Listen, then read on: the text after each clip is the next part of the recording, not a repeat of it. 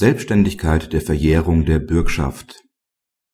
Es besteht ein Feststellungsinteresse in einem Prozess gegen den Bürgen, das allein aus der drohenden selbständigen Verjährung der Bürgschaftsforderung resultiert.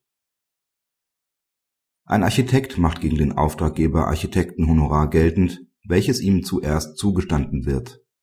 Im anschließenden Berufungsverfahren ändert das Gericht die Entscheidung ab und weist die Klage ab Daraufhin klagt der Auftraggeber seinen Schadensersatzanspruch für einen Wasserschaden in Höhe von 432.037,95 Euro ein, wobei er bereits das volle Architektenhonorar von 141.475,74 Euro sowie Zahlungen von Versicherungsleistungen von insgesamt 87.210,47 Euro abzieht Danach ergibt sich eine Restforderung in Höhe von 203.351,74 Euro, woraus er jedoch nur 114.809,97 Euro für den Wasserschaden geltend macht. Gleichzeitig erhebt er Klage gegen den Prozessbürgen für den Vollstreckungsschaden gemäß § 717 Absatz 2 ZPO auf Schadensersatz die Vorinstanz vertritt die Auffassung, auf diesen Schadensersatzanspruch sind die Versicherungsleistungen für den Wasserschaden anzurechnen. Dem Schadensersatzanspruch gegen den Architekten in Höhe von 114.809,97 Euro steht nicht der Einwand der doppelten Rechtshängigkeit entgegen, da die Klage des Auftraggebers gemäß § 717 Absatz 2 ZPO gegen den Bürgen wegen der zu Unrecht ergangenen Vollstreckung einen anderen Streitgegenstand hat diesen Vollstreckungsschaden kann der Auftraggeber in einem weiteren Prozess gegen den Bürgen geltend machen. Würde die Auffassung der Vorinstanz in dem Prozess gegen den Bürgen Bestand haben, dass die Versicherungsleistung aus dem Wasserschaden anzurechnen ist, was letztendlich nicht der Fall ist, sind die von ihm auf die im vorliegenden Rechtsstreit geltend gemachten Ansprüche wegen des Wasserschadens bereits angerechneten Zahlungen der Versicherungen durch den Prozess gegen den Bürgen verbraucht gewesen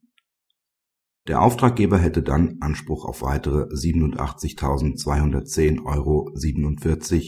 und die Schadensersatzklage erhöhen müssen. Diesen Umstand hat der Kläger durch einen bedingten Feststellungsantrag gegen den Architekten Rechnung getragen. Eine doppelte Rechtshängigkeit liegt bei dem Feststellungsantrag nicht vor. Der Feststellungsantrag bezieht sich auf den Schadensersatzanspruch wegen des Wasserschadens. Darüber hinaus geht es in dem Parallelverfahren gegenüber dem Bürgen um den Schadensersatzanspruch gemäß § 717 Absatz 2 ZPO aus der unberechtigten Vollstreckung. Der Feststellungsantrag ist schon deswegen notwendig, da die Gefahr der doppelten Berücksichtigung der Versicherungsleistung zu Lasten des Klägers besteht. Darüber hinaus richtet sich der Anspruch in dem Parallelverfahren gegen den Bürgen, was ein anderer Streitgegenstand ist. Eine Identität von diesen Ansprüchen liegt ebenfalls nicht vor da die Klage gegen den Bürgen keinen Einfluss auf die Verjährung der Hauptforderung hat und insoweit auch gesonderte Verjährungsfristen laufen, besteht das Feststellungsinteresse allein schon deswegen, wenn der Feststellungsantrag den Zweck hatte, die Verjährung für den Betrag von 87.210,47 Euro hinauszuschieben.